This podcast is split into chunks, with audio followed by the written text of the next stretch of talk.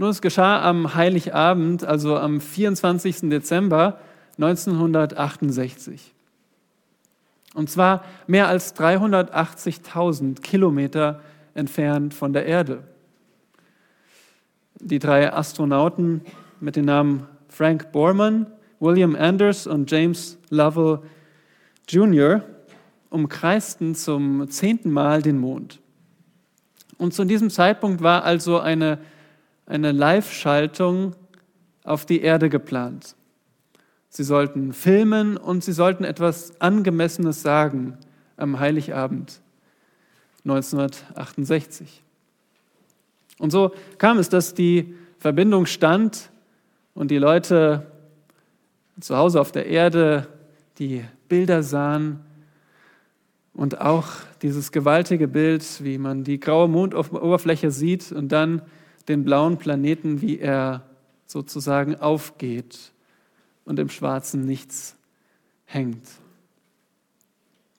Und so lautete die Botschaft, für all die Menschen auf der Erde, die Crew der Apollo 8 hat eine Botschaft, die wir euch senden möchten. Im Anfang schuf Gott die Himmel und die Erde.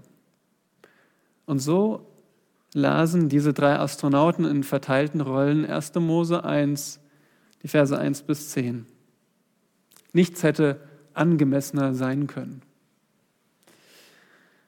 Aber der Mensch muss nicht erst im Weltraum sein, um den Nachthimmel und die Sterne zu bestaunen. Auch ein junger Hirte, der jüngste von acht Brüdern, der hat das gesehen und war davon beeindruckt. Er weidete die, die Schafe in hügeliger Landschaft und übernachtete auch bei den Tieren, denn er musste sie beschützen vor wilden Tieren. So hütete er die Schafe und er erlebte auch Angriffe von Bären und Löwen und er besiegte diese wilden Tiere, um die Schafe zu schützen. Und so stelle ich mir vor, wie er den Kopf in den Nacken legt und sich einpackt in sein warmes Schafsfell und nach oben in den Himmel schaut. Und er sieht diesen pechschwarzen Dom und die funkelnden Sterne. Er sieht den Mond, wie er scheint. Und er ist einfach nur überwältigt von diesem Anblick. Und dieser Blick, der prägt sich ein und er begegnet uns heute im achten Psalm. Psalm Nummer 8, ein Psalm Davids heißt es. Und David, der kannte den lebendigen Gott von Jugend an. Und er war auch ein guter Musiker. Sein Instrument war die Leier, also ein gebogenes Holz mit mehreren Saiten. Und es hat er so gut gespielt, dass er sogar vor dem König spielen durfte. Und im Laufe seines Lebens schrieb David viele Psalmen. Wisst ihr, wie viele Psalmen im Buch der Psalmen zu David gehören? Und mindestens die Hälfte. Und vielleicht noch mehr. Also mindestens 75 Psalmen sind Psalmen Davids. Und wir fragen uns, wie, wie konnte David das vollbringen? War er so außerordentlich kreativ, so, so studiert, dass er diese Psalmen schreiben konnte? Und die Antwort ist, der Geist Gottes erfüllte David. David schrieb diese Worte erfüllt durch den Heiligen Geist. Und David war ein Mann nach dem Herzen Gottes und er lebte mit Yahweh. Und er erlebte mit seinem Gott alle möglichen Lebenssituationen. Denkt einmal mit mir darüber nach, was David alles erlebt hat. Er begann als, als junger Hirte. Also er war draußen bei den Schafen, bei dem Kleinvieh. Und er war naturverbunden. Und er war ein Niemand. Er war der Jüngste. Aber plötzlich so ein Aufstieg. Er war plötzlich dann ein junger Held. Und alle waren von ihm erstaunt. Er hat den Erzfeind besiegt, den Goliath. Und dann war er auf einmal General und hat eine Armee hinter sich. David kannte echte Freundschaft unter Männern mit Jonathan, dem Königssohn. David war verliebt in eine junge Frau. David hat erlebt, wie man gewaltsam von der Ehefrau getrennt wird. David erlebte ein Jahrzehnt Verfolgung. David lebte in Höhlen, er war Flüchtling, er kannte das, wie wenn man, wenn man obdachlos ist. Er konnte mit Ausgestoßenen umgehen, er kannte Verfolgungsjagden, Jagden und er war damit konfrontiert, wie man unter einem feindlichen Regime lebt, im Philisterland. David erlebte den schlimmsten Raub. Seine Familie wurde geraubt und seine Stadt zerstört. Er erlebte Bürgerkrieg. David regierte 40 Jahre als König.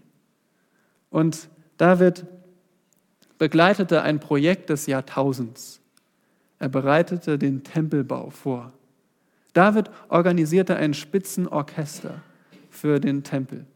David empfing über alles den Bund, den Bund von Gott, durch den alle anderen Bündnisse erfüllt werden. Diesen einen Bund, durch den alle anderen Bündnisse erfüllt werden. David war ein Ehemann. Er war verheiratet, er hatte Familie. David fiel in Ehebruch. David wurde untreu. David beauftragte einen Mord. David kannte auch psychosomatische Leiden. Er weiß, wie es ist, die Freude am Heil zu verlieren. David weiß, wie es ist, ein Kind zu verlieren. Er erlebte Vergewaltigung in der eigenen Familie. Er erlebte einen Brudermord in der Familie. Er verlor einen Sohn. David durchlitt den Aufstand eines rebellischen Sohnes. David erlebte die Flucht vor den eigenen Leuten und er erlebte, wie seine eigenen treuen Diener ihn verließen. David erlebte Gottes Gericht an seinem Sohn und er erlebte Entzweiung in seinem Reich. Er erlebte eine Epidemie in seinem Reich. Und er wurde alt. Er wusste, wie es ist, alt zu werden, schwach zu sein und bettlägerig zu sein. Das ist David. Keiner konnte ihm sagen, David, du verstehst mich nicht. David verstand. David hat alles durchlebt. Und das, das macht es so, ja, so spannend, seine Psalmen zu lesen. Weil hier haben wir einen Mann, der das gesamte, komplette Leben durchlebt hat und das in der Furcht Gottes. Und ich hoffe, ihr seid jetzt auch, ja, hungrig, hungrig danach, diese Psalmen näher kennenzulernen. Wir werden also durch Davids Leben gehen in, in einigen Stationen, soweit man das sehen kann. Und heute beginnen wir mit Psalm 8. Wann hat David diesen Psalm geschrieben? Schrieb er diesen Psalm jetzt als junger Hirte? Das kann ich euch nicht versprechen. Das weiß ich nicht. Aber ich bin sicher, diesen Blick auf den Sternenhimmel, den kannte er, seit er ein junger Mann war. Das war ein Eindruck, der blieb. Und das Nachdenken darüber, was er im Nachthimmel sieht, das hat David zur Anbetung geführt. Dazu, Gott zu rühmen. Und so schreibt er diesen Psalm für den Vorsänger. Ihr seht das im ersten Vers. Und der Vorsänger, das war so jemand wie der Chorleiter. Also jemand, der eine Menge angeleitet hat zu singen. Und so ist also auch dieser Psalm geschrieben, damit mehr Leute Gott anbeten. Damit wir heute Gott sehen und anbeten auf der Gittit. Da wissen wir nicht ganz genau, was es bedeutet. Es könnte ein Musikinstrument sein aus der Stadt Gad. Es könnte aber auch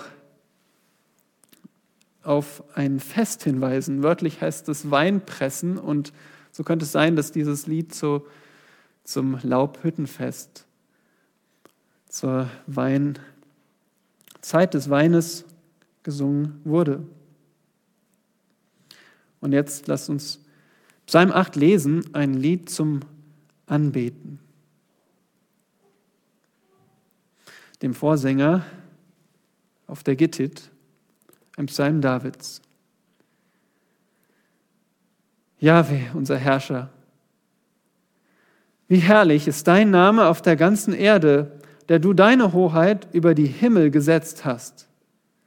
Aus dem Mund von Kindern und Säuglingen hast du ein Lob bereitet um deiner Bedränger willen, um den Feind und den Rachgierigen zum Schweigen zu bringen.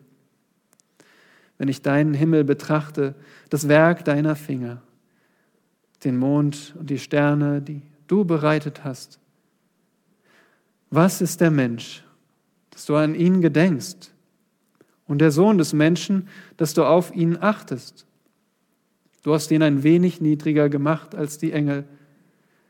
Mit Herrlichkeit und Ehre hast du ihn gekrönt. Du hast ihn zum Herrscher über die Werke deiner Hände gemacht. Alles hast du unter seine Füße gelegt, Schafe und Rinder allesamt, dazu auch die Tiere des Feldes, die Vögel des Himmels und die Fische im Meer, alles, was die Pfade der Meere durchzieht. Jahwe, unser Herrscher, wie herrlich ist dein Name auf der ganzen Erde. Ein Lied zum Anbeten. Dieses Lied richtet David einzig und allein an Gott. Denn wir sehen hier keinen Aufruf an andere Menschen. Er spricht ausdrücklich Gott an und beugt sich vor ihm. Das bedeutet anbeten, sich beugen vor dem, der größer ist. Was fällt euch auf, wenn ihr mit mir gemeinsam diesen Psalm betrachtet? gerade am Anfang und am Ende.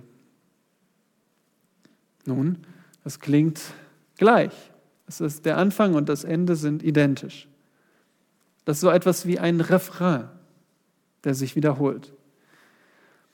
Und am Anfang ist dieser Refrain vielleicht so wie eine Behauptung.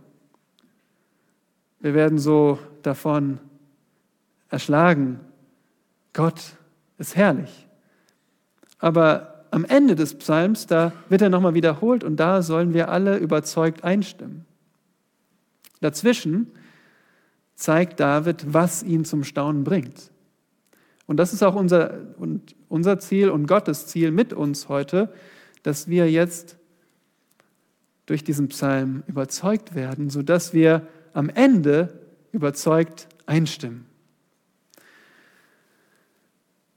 Und warum ist der Herr so herrlich auf der Erde? In einem Satz gesagt, der Höchste macht den Kleinen groß. Und das wollen wir jetzt in drei Schritten zusammen uns ansehen und beginnen mit dem Höchsten. Wer steht am Anfang? Der Höchste. Der Höchste ist niemand anderes als der Herr. Mit ihm fängt alles Staunen an und und David ist voll Bewunderung für Gottes Majestät und seine Macht.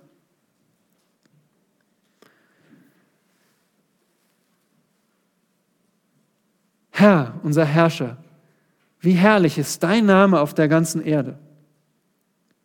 Ja, das sagt David nicht in einem kühlen Ton, sondern ihr müsst euch vorstellen, er ruft das. Er hat einen weit geöffneten Mund. Er ist begeistert davon. Und deswegen beginnt er gleich mit diesem Satz. Er sagt, herrlich ist dein Name. Anders gesagt, dein Name ist über alles überlegen. Er ist majestätisch. Und Gottes Name steht für sein Wesen, für seine ganze Person. Wenn man alles, was Gott ist, irgendwie zusammenfassen will, sagt man dein Name. Und meint damit alles, was Gott ist und wie sein Wesen ist. Aber woran erkennen wir denn, dass Gott majestätisch ist auf der ganzen Erde? Nun, deswegen sagt David gleich als erstes Herr. Und Herr in Großbuchstaben steht für Gottes Name, Yahweh, der ich bin. Und das drückt aus, dass er immer derselbe ist, er ist ewig, er ist auch unabhängig von allen anderen. Er ist Ich bin. Und er ist deswegen auch unveränderlich und in sich selbst genug. Er braucht niemand anderes. Und David kannte diesen Gott aus dem Gesetz, aus den Büchern Mose beispielsweise. Und da hat sich Gott schon geoffenbart, wie majestätisch er ist. Ganz am Anfang hat er doch die Welt geschaffen. Er hat die Welt auch erhalten. Und er sah sie in Sünde fallen. Er hat sie gerichtet. Durch die Flut. Er hat sie wiederhergestellt. Er hat auch Verheißung gegeben. Wir haben es gesehen, er hat, er hat die Menschen geteilt in Nationen. Er hat die Sprache verwirrt. Und er hat sie er hat ein Volk gegründet, das Volk Israel. Er hat sie in Ägypten geknechtet und befreit. David versteht durch Gottes Wort, Yahweh ist majestätisch und er regiert die Erde. Er hat es bewiesen. Aber schaut mal in Vers 2 am Ende, Davids Gedanken gehen auch noch höher als die Erde. Er sagt, der du, Gott, deine Hoheit über die Himmel gesetzt hast. Was ist denn über den Himmel? Wie kann David denn über die Himmel schauen? Das Wort Hoheit bedeutet Majestät, die gesehen werden kann. Wie kann denn David jetzt über den Himmel schauen? Wenn ein ungläubiger Mensch diese Welt anschaut und auch den Himmel, dann, dann ist er oft auch beeindruckt und und möchte diese Natur bewahren und spricht von Respekt, Ehrfurcht vor der Natur. Aber ein ungläubiger Mensch sieht eben nur das, was vor Augen ist. Und David in seinem Glauben sieht jenseits von dem, was zu sehen ist. David sieht in den dritten Himmel, wo Gottes Majestät regiert und thront. Ja, der dritte Himmel ist da, wo nur die Engel Gottes Majestät bestaunen. Und David ist selbst nicht da, aber er sieht im Glauben dahin, dass Gott höher ist als die Atmosphäre, höher ist sogar als das Weltall, er ist im dritten Himmel. Und David sieht Gott. Aber er sieht ihn nicht nur als hoch erhaben, sondern auch als sehr mächtig. Achtet mit mir mal auf Vers 3. In Vers 3 besingt David zum ersten Mal den Menschen. Und welche Menschen? Nun, die kleinsten der Menschen, die Kinder und Säuglinge. Und denkt daran, dass damals die Mütter ihre Kinder länger als nur ein paar Monate gestillt haben. Säuglinge können also Kinder sein von mehreren Jahren, vielleicht zwei, drei Jahre ist immer noch ein Säugling in dieser Zeit. Hier heißt es, aus dem Mund von Kindern und Säuglingen hast du, Gott, ein Lob bereitet. Aber wie hat Gott denn seine, äh, sich ein Lob bereitet aus dem Mund der Kinder? Nun, achte darauf, warum Gott das getan hat. Äh, hier heißt es, er hat es getan, um seiner Bedränger willen. Bedränger, die provozieren, die stören, die plagen. Wegen seiner Feinde und auch wegen der Rachgierigen. Solche, die danach lechzen, an Gott Rache zu nehmen. Welche Menschen sind das? Nun, denkt zurück an, an die Predigt vor einer Woche, als André uns gezeigt hat, wie die Menschen sich gegen Gott auflehnen und an ihm Rache üben wollen. Hier sind die Feinde Gottes gemeint. Und hier heißt es, Gott hat sich ein Lob aus dem Kindermund bereitet wegen seiner Feinde, damit die Feinde zum Schweigen gebracht werden. Und das kann bedeuten, dass sie aufhören zu reden oder dass sie, wenn nötig, getötet werden. Aber wie bringt das Lob von Kindern die Feinde Gottes zum Schweigen? Nun, wenn wir die Bibel studieren, dann hilft es häufig, die Übersetzungen zu vergleichen. Wenn wir zum Beispiel die Schlachter 2000 lesen, lesen wir von dem Lob der Kinder. Und hier folgt die Schlachter 2000 der griechischen Übersetzung für das Alte Testament. Da steht Lob. In der Elberfelder Übersetzung steht zum Beispiel, aus dem Mund von Kindern und Säuglingen hast du Macht gegründet. Und so steht es auch im hebräischen Text. Macht gegründet. Jahwe hat aus dem Mund der Kinder Macht gegründet. Eine Macht, die keiner überwinden kann. Aber wo ist das schon mal vorgekommen, dass jetzt ein Kind, ein Säugling Gottes Macht gezeigt hat? Ich weiß nicht genau, was David gedacht hat, aber ich kann mir vorstellen, er dachte an diese Geschichte von einem Baby. Das Baby war hilflos geboren und abhängig von der Milch seiner Mutter. Dieses Baby war ab dem Geburtstag zum Tod verurteilt. Und als es drei Monate alt war, haben seine gläubigen Eltern dieses Baby in ein wasserdichtes Kästchen am Flussufer gelegt. Aber nicht um es zu töten, äh, nicht um das Kind sich selbst zu überlassen, Sie haben dieses Kind Gott überlassen. Und so war das Baby im Kästchen im Wasser. Wer sollte da schon auf seinen Schreien hören? Wer, wer kann denn dieses Baby da am Wasser hören? Du weißt, wer es gehört hat. Jahwe Gott. Gott hat dieses Baby gehört als es schrie. Und Gott, Jahwe, hat das Baby gerettet, Mose, durch die Tochter des Pharao.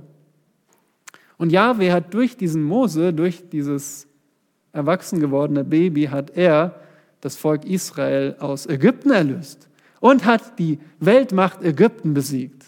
Seht ihr, wie das Schreien, der Hilferuf eines Babys Gottes Macht bewiesen hat? Gibt es ein besseres Beispiel, wie sich Jahwe aus dem Mund eines Kindes rettende Macht gegründet hat? Ja, es gibt noch ein besseres Beispiel. Und das steht in Matthäus 21. Matthäus 21 ist der Bericht davon, wie Jesus in die Stadt Jerusalem einzieht und viele Menschen empfangen ihn wie einen König. Sie legen die Kleider und die Zweige auf den Weg und Jesus geht geradewegs in das Areal des Tempels. Und dort treibt er die Verkäufer hinaus, die nach Gottes Willen da nicht sein sollten. Und dann empfängt er Arme, Blinde und Lahme. Und er heilt sie dort. Und um ihn herum sind Kinder, die Jesus zurufen. Hosianna, dem Sohn Davids. Hosianna bedeutet, ach, hilf und Sohn Davids, das ist der ewige König Gottes. Aber die Priester und die Schriftgelehrten sprechen entrüstet in Vers 16. Hörst du, was diese sagen? Jesus aber sprach zu ihnen, ja, habt ihr noch nie gelesen, aus dem Mund der Unmündigen und Säuglinge hast du ein Lob bereitet? Jesus bestätigt hier, was die Kinder rufen, ist wahr. Es ist wahr. Ich bin der Einzige, der Hilfe bringen kann. Und ich bin der Sohn Davids. Ich bin Gottes ewiger König. Und so wird dieser Hilferuf der Kinder ein Lob für Gott. Und deswegen ist es auch richtig zu sagen, dass Gott aus dem Mund der Kinder ein Lob bereitet. Ein Lob dadurch, dass sie Jesus um Hilfe rufen. Und in weniger als einer Woche hat Jesus stellvertretend die Sünde am Kreuz, die Sünden am Kreuz stellvertretend getragen und ist von den Toten auferstanden. Und mit seinem Tod und seiner Auferstehung hat er nicht nur die menschlichen Feinde zum Schweigen gebracht, sondern auch den Erzfeind Gottes, den Satan, besiegt. Und so hat dieser eine Hilferuf der Kinder, der ist zur Rettung für die Welt geworden. Ja, ein einziger Hilferuf zu Gott kann die Welt überwinden. Warum? Weil der Ruf an den Allmächtigen geht. Also durch den Zugang zu Gott haben selbst die Schwächsten Zugang zu dem Allmächtigen.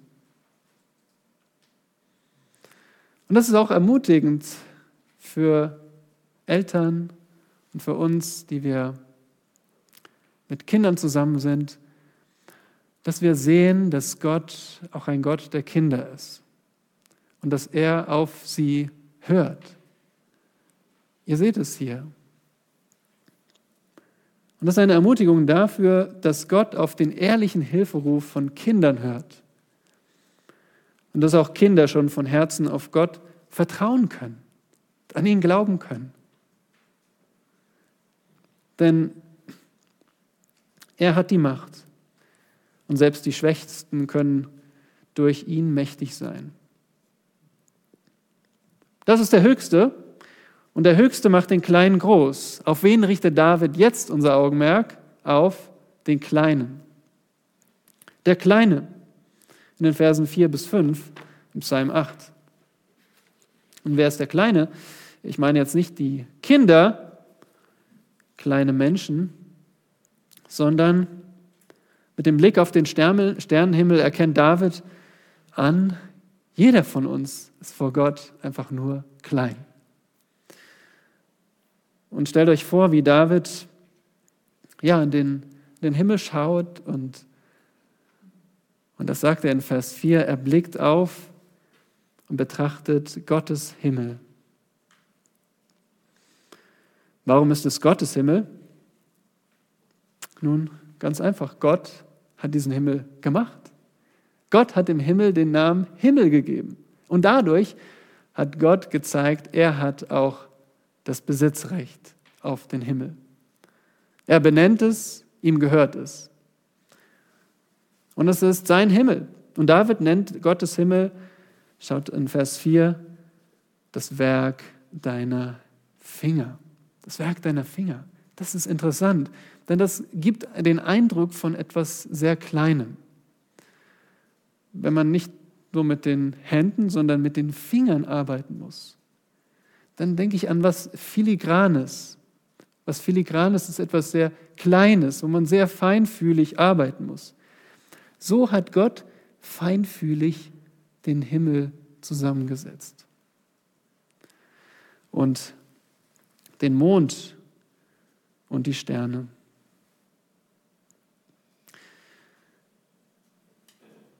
In Gottes Vorsehung war es letzte Nacht klar. Hat jemand von euch die Gelegenheit gehabt, gestern Nacht den Himmel zu betrachten? Schön. Und ich erinnere mich auch, wie ich gestern auf dem Feld stand und nach oben blicken konnte. Sah den Mond auch ziemlich voll und die Sterne. Und es ist beeindruckend, sich bewusst zu machen, was wir da sehen. Wenn es interessiert, der kann gerne bei CLV das Buch Signale aus dem All mal lesen von Werner Gitt. Ein paar Auszüge davon. Da beschreibt er, dass zur Frage, wie viele Sterne es gibt, dass man heutzutage mit Teleskopen schon einiges erkennen kann. Auf der Fläche, die der Mond abdeckt, also wenn ihr euch vorstellt, der Mond, wie groß der so am Himmel ist, wenn man sich vorstellt, auf diese Fläche schaut man mit einem Teleskop, dann sieht man etwa 30.000 Sterne. Auf diesem kleinen Fleck allein, mit einem Teleskop. Wie viele sieht man dann auf der ganzen Fläche? Etwa drei Milliarden. Aber es gibt vermutlich 200 Milliarden Sterne in unserer Milchstraße. Und das ist ja nur eine Galaxie. Dann gibt es auch noch Millionen von Galaxien. Unvorstellbar, Und, und dann wissen wir auch, dass es ein riesiger Raum ist. Wenn wir uns vorstellen, dass die Sonne so groß ist wie eine Kirsche, also unsere Sonne ist eine Kirsche, dann ist unsere Erde kleiner als ein Staubkorn und etwa eineinhalb Meter entfernt. Der nächstgelegene Stern, Alpha Centauri, wäre dann so weit entfernt von dieser Kirsche, wie wenn man die Kirsche nach Hamburg legt, dann wäre der nächstgelegene Stern in Frankfurt am Main. Und der zweitnächste Stern wäre in Stuttgart. Und so viel mehr Sterne gibt es, die viel weiter entfernt sind. Nun, hier in Vers 4 heißt es, das sind die Sterne, die du bereitet hast, Gott. Wörtlich, du hast sie befestigt. Also Gott hat ihnen ihren Platz zugewiesen. Und jetzt sehen wir den Sternenhimmel und machen uns bewusst, das alles hat Gott gemacht. Dann ist die Frage, was ist der Mensch? Seht ihr in Vers 5 die zwei parallelen Zeilen? Was ist der Mensch und der Sohn des Menschen? Was meint David damit? Meint er jetzt Mensch und dann Kinder? Nun, wenn wir Psalm 144 aufschlagen, sehen wir, dass David diese Frage schon einmal oder an anderer Stelle auch in seinem Psalm stellt. Und wir müssen die Psalmen auch zusammenlesen. Hier finden wir in 144 Vers 3 dieselbe Frage. Jahwe, was ist der Mensch, dass du an ihn gedenkst, der Sohn des Menschen, dass du auf ihn achtest? Und dann schaut mal auf Vers 4. Der Mensch gleicht einem Hauch, seine Tage sind wie ein flüchtiger Schatten.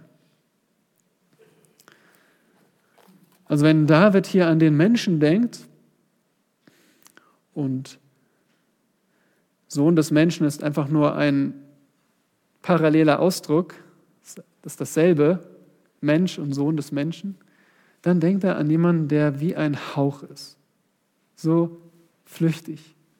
Und er denkt an einen Schatten, einen Schatten, der vorbei huscht. So sind wir. Wir sind so klein und so vergänglich.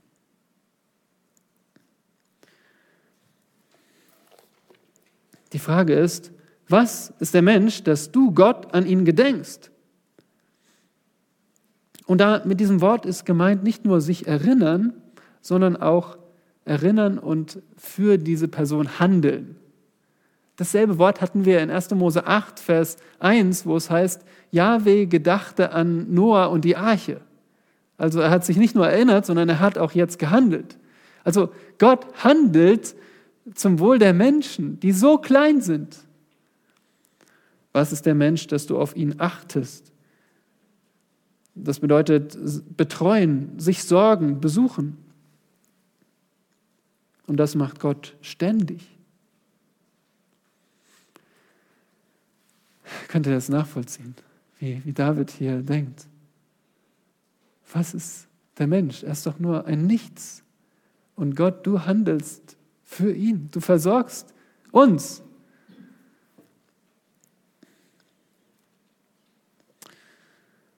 Aber das passt doch nicht zusammen.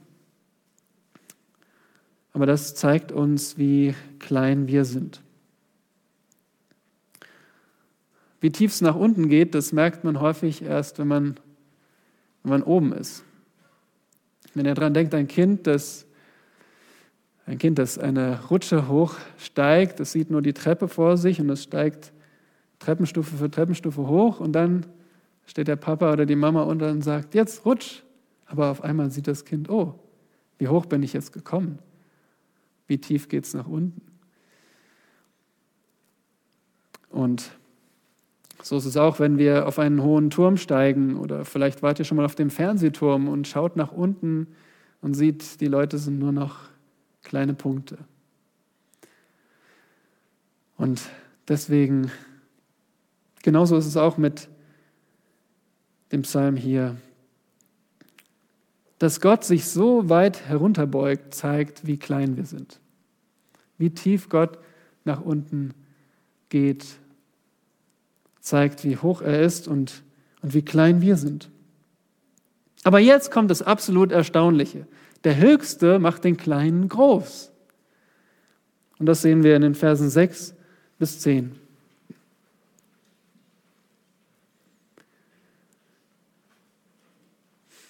Was findet Gott am Menschen, dass er ihn beachtet? Was ist das? Was, was bringt ihn dazu? Die Antwort liegt in unserer Bestimmung.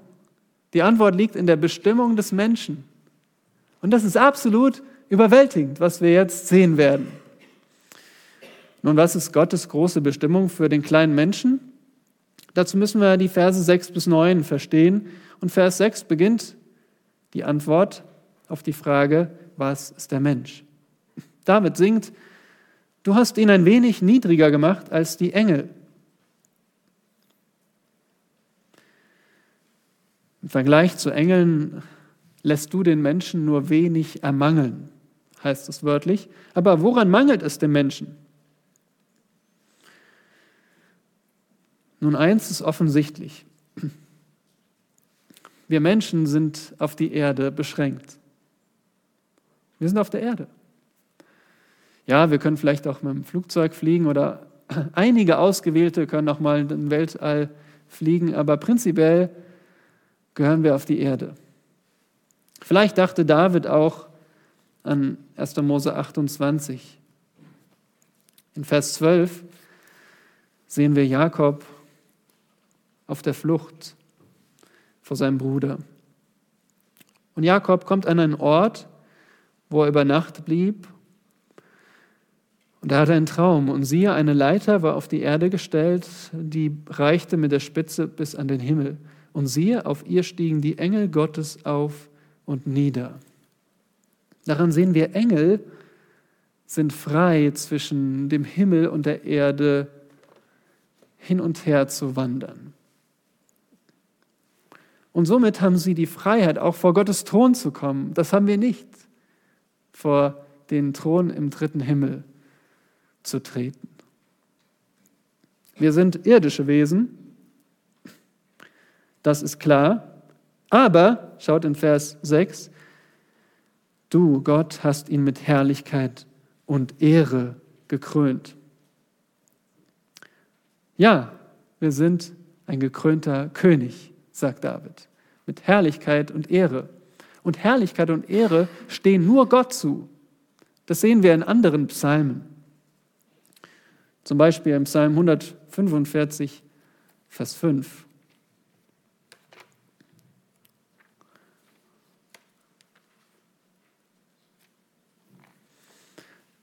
Auch ein Psalm von David, wo er singt, von dem herrlichen Glanz deiner Majestät will ich sprechen und von deinen Wundertaten.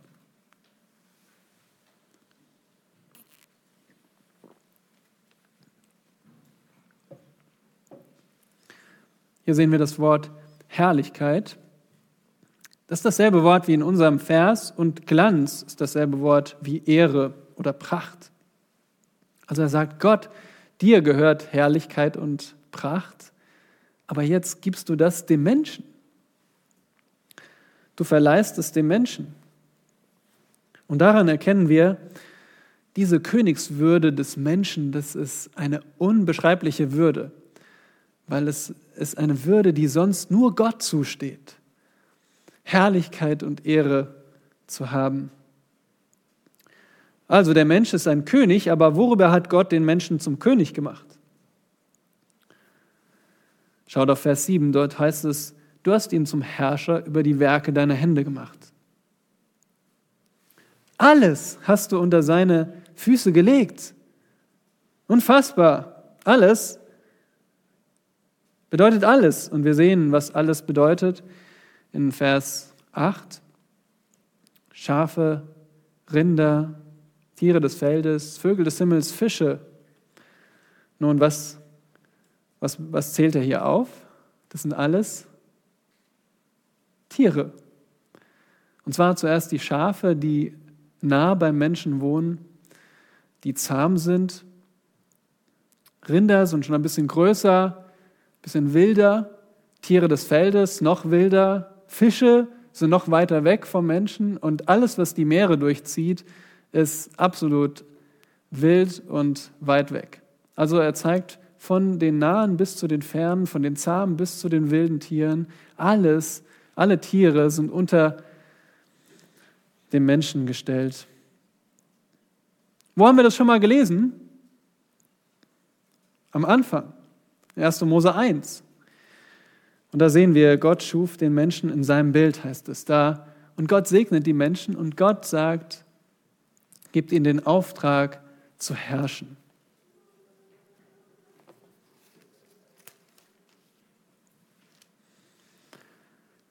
Seid fruchtbar und mehrt euch und füllt die Erde und macht sie euch untertan und herrscht über die Fische im Meer und über die Vögel des Himmels und über alles Lebendige, das sich regt auf der Erde. Damals, am sechsten Schöpfungstag, damals machte Gott den Menschen zum König über alle Tiere. Die Frage ist, ist das auch heute noch so? Denken wir an das Klima und die Elemente. Schneechaos in Österreich, Wind, Sturm, Überschwemmungen. Wir können zwar als Menschen viel analysieren und auch vorhersehen, aber letztendlich können wir nur reagieren. Wir regieren nicht das Klima. Wie ist es mit den Tieren? Nun, Menschen halten sich Haustiere und ja, sie haben auch eine gewisse Herrschaft über Tiere. Wir können Tiere in Zoos einsperren. Aber andere Tiere, da müssen wir uns sehr in Acht geben von. Und wenn sie auch noch als Plage auftreten, dann haben wir ein echtes Problem. Und andere Tiere haben wir auch schon ausgerottet. Wie sieht es aus mit den Menschen untereinander? die doch Gott zum Herrscher gemacht hat. Ja, Menschen können zusammenarbeiten. Sie können auch miteinander auskommen, können gemeinsam was schaffen. Aber Menschen unterdrücken einander. Menschen führen Aufstände und Kriege. Ist das eines Königs würdig? Und der Mensch zu sich selbst. Ja, wir haben einiges an Wissen und auch Medizin und Möglichkeiten. Aber doch ist der Mensch in vieler Hinsicht regiert von Lügen, von seinen Lüsten und von der Krankheit, unter dem Alter und regiert vom Tod. Warum scheint es so, als ob der Mensch die Herrschaft verloren hat? Weil der Mensch die Herrschaft verloren hat. Und wie? Indem der Mensch das erste Gebot übertreten hat, hat er die Herrschaft verloren. Und an wen? An den, der ihn versucht hat. Das ist der Satan. Wisst ihr, als der Herr Jesus versucht wird vom Satan, ich lese einen Vers aus Lukas 4, Vers 6, da sagt der Satan eine wahre Sache. Er zeigt dem Herrn Jesus die Reiche der Welt und er sagt, dir will ich all diese Macht und ihre Herrlichkeit geben, denn sie ist mir übergeben und ich gebe sie, wem ich will. Der Satan wird auch genannt der Fürst dieser Welt. Und in 1. Johannes 5, Vers 19 heißt es, die ganze Welt liegt im Bösen. Das bedeutet, die ganze Welt ist unter der Macht des Bösen, unter der Macht Satans, weil der Mensch ihm die Macht übergeben hat. Der Mensch war der König, aber er hat sich vom Satan versuchen lassen und dadurch die Herrschaft an dem Satan verloren. Seht ihr, wir sind gar nicht das Mittelpunkt der, der Mittelpunkt der Geschichte, sondern wir sind mitten in einem kosmischen Kampf zwischen Gott und Satan. Und der Mensch hat die Herrschaft verloren. Verloren an den Erzfeind. Ja, die Menschen haben auch noch einige Mächte. Sie haben noch Macht über Staaten und Wirtschaft, Technologie, Wissenschaft, Industrien. Aber alle menschlichen Mächte werden überschattet von der Macht Satans. Und wenn das sich nicht ändert, dann ist Satan der Sieger. Wusste David das? Ja, David wusste das. Aber wie kann er dann schreiben, du hast ihm alle, alles unter die Füße gelegt? David lebte doch nach dem Sündenfall. Ist das jetzt einfach nur so eine bisschen Nostalgie auf die Schöpfung hin? So ironisch gesagt, schön war es mal, aber ist nicht mehr so? Ist das ein Spottlied, dass der Mensch eigentlich König sein soll, aber es nicht mehr ist? Nein, das ist kein Spottlied, sondern ein Loblied. Und wir wollen gemeinsam sehen, warum das wahr ist. Die Antwort finden wir im Hebräerbrief Kapitel 2. Hebräer 2 ab Vers 5. Der Autor beschäftigt sich mit der Frage, wie ist der Sohn Gottes besser als die Engel? Und die Frage, die behandelt wird, ist, wer regiert die zukünftige Welt? In Vers 5 heißt es, denn nicht Engeln hat er die zukünftige Welt, von der wir reden, unterstellt, sondern an einer Stelle bezeugt jemand, wer ist dieser jemand? Es bezeugt jemand ausdrücklich und spricht, was ist der Mensch, dass du an ihn gedenkst, oder der Sohn des Menschen, dass du auf ihn achtest. Wer ist der jemand? David. Aber warum schreibt er dann nicht David? Nun, ihr wisst, wie der Hebräerbrief anfängt. Ohne Namen. Der Hebräerbrief, Autor, nennt bewusst keine Namen, um zu zeigen, das, was hier gesprochen wird, ist zwar von David geschrieben, aber es kommt direkt von Gott. Und Gott sagt durch David, was ist der Mensch, dass du an ihn gedenkst? Oder der Sohn des Menschen, dass du auf ihn achtest? Du hast ihn ein wenig niedriger sein lassen als die Engel. Mit Herrlichkeit und Ehre hast du ihn gekrönt und hast ihn gesetzt über die Werke deiner Hände. Alles hast du seinen Füßen unterworfen. Soweit kennen wir den Psalm. Und jetzt erklärt er diesen Psalm für uns. Er sagt weiter in Vers 8, indem er ihm aber alles unterworfen hat, hat er nichts übrig gelassen, das ihm nicht unterworfen wäre. Verstanden? Ja, also wenn er sagt, alles wird unterworfen, dann meint er auch alles. Vers 8 weiter. Jetzt aber sehen wir noch nicht, dass ihm alles unterworfen ist. Und damit meint der Autor den Menschen. Und wir können nur einstimmen mit Amen. Jetzt sehen wir nicht, dass dem Menschen alles unterworfen ist. Wir sehen zwar, er hat manche Macht, aber alles unter Satans Macht. Vers 9. Wir sehen aber Jesus, der ein wenig niedriger gewesen ist als die Engel wegen des Todesleidens, mit Herrlichkeit und Ehre gekrönt. Er sollte ja durch Gottes Gnade für alle den Tod schmecken.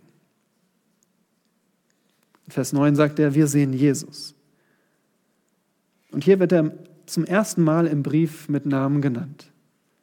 Also Gottes Sohn ist bewusst Mensch geworden, hat sich uns gleichgestellt, damit er unter die Engel erniedrigt wird.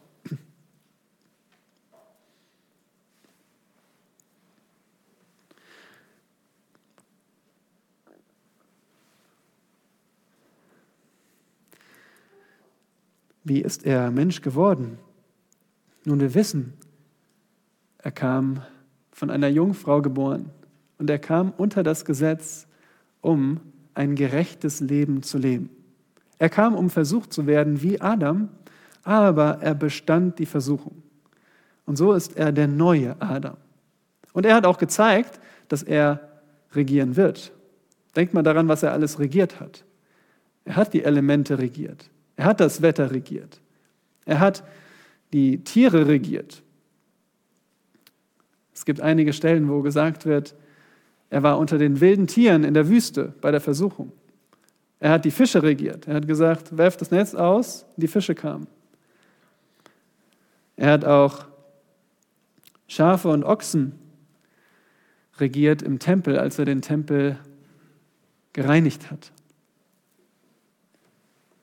Denn dort trieb er die Leute raus,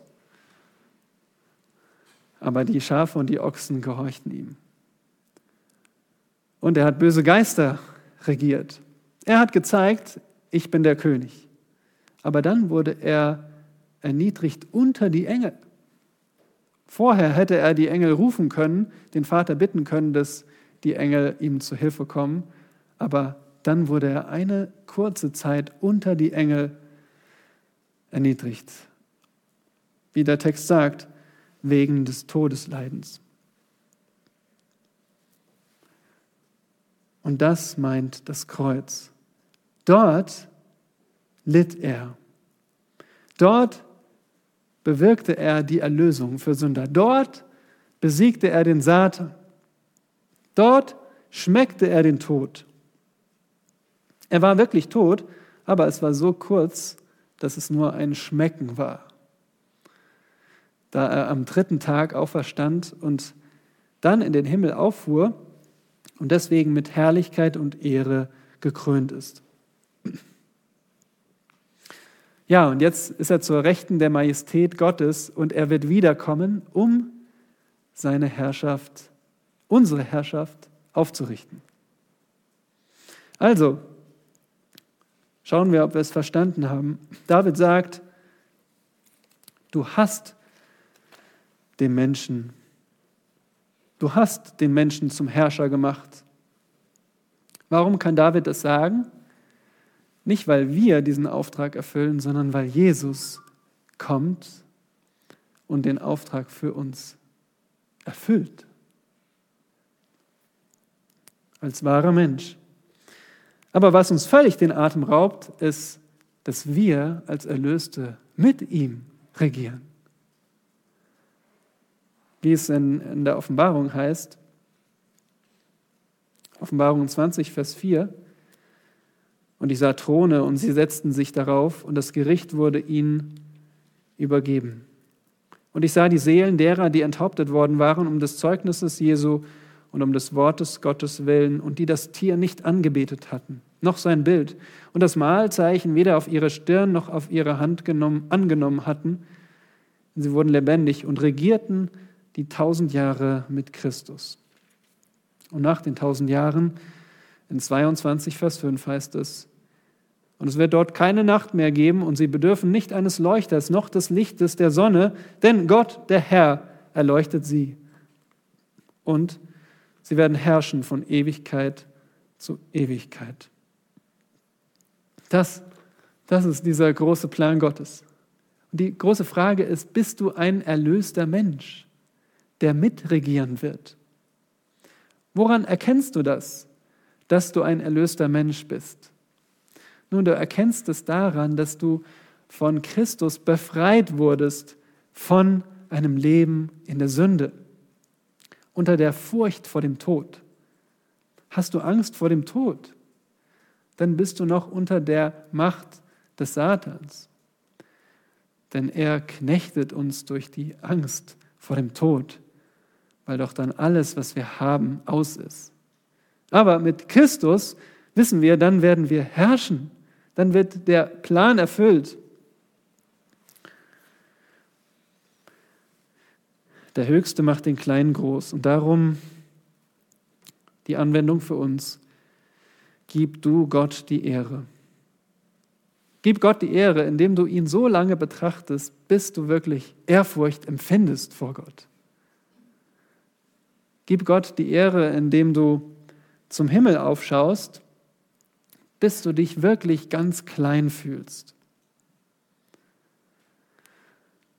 Und gib Gott die Ehre, indem du auf seinen Plan vertraust, dass unsere Bestimmung nur durch Jesus erfüllt wird die Bestimmung zu herrschen. Und deswegen komm zu Jesus Christus im Gebet, wenn du es noch nicht getan hast. Und glaube an ihn, den wahren König, und beuge dich vor ihm und folge ihm. Gottes Herrschaft umrahmt alle menschliche Herrschaft und darum endet auch Psalm 8 so, wie er begann, mit Vers 10. Und ich hoffe, wir können jetzt alle von Herzen einstimmen. Herr, unser Herrscher, wie herrlich ist dein Name auf der ganzen Erde. Amen.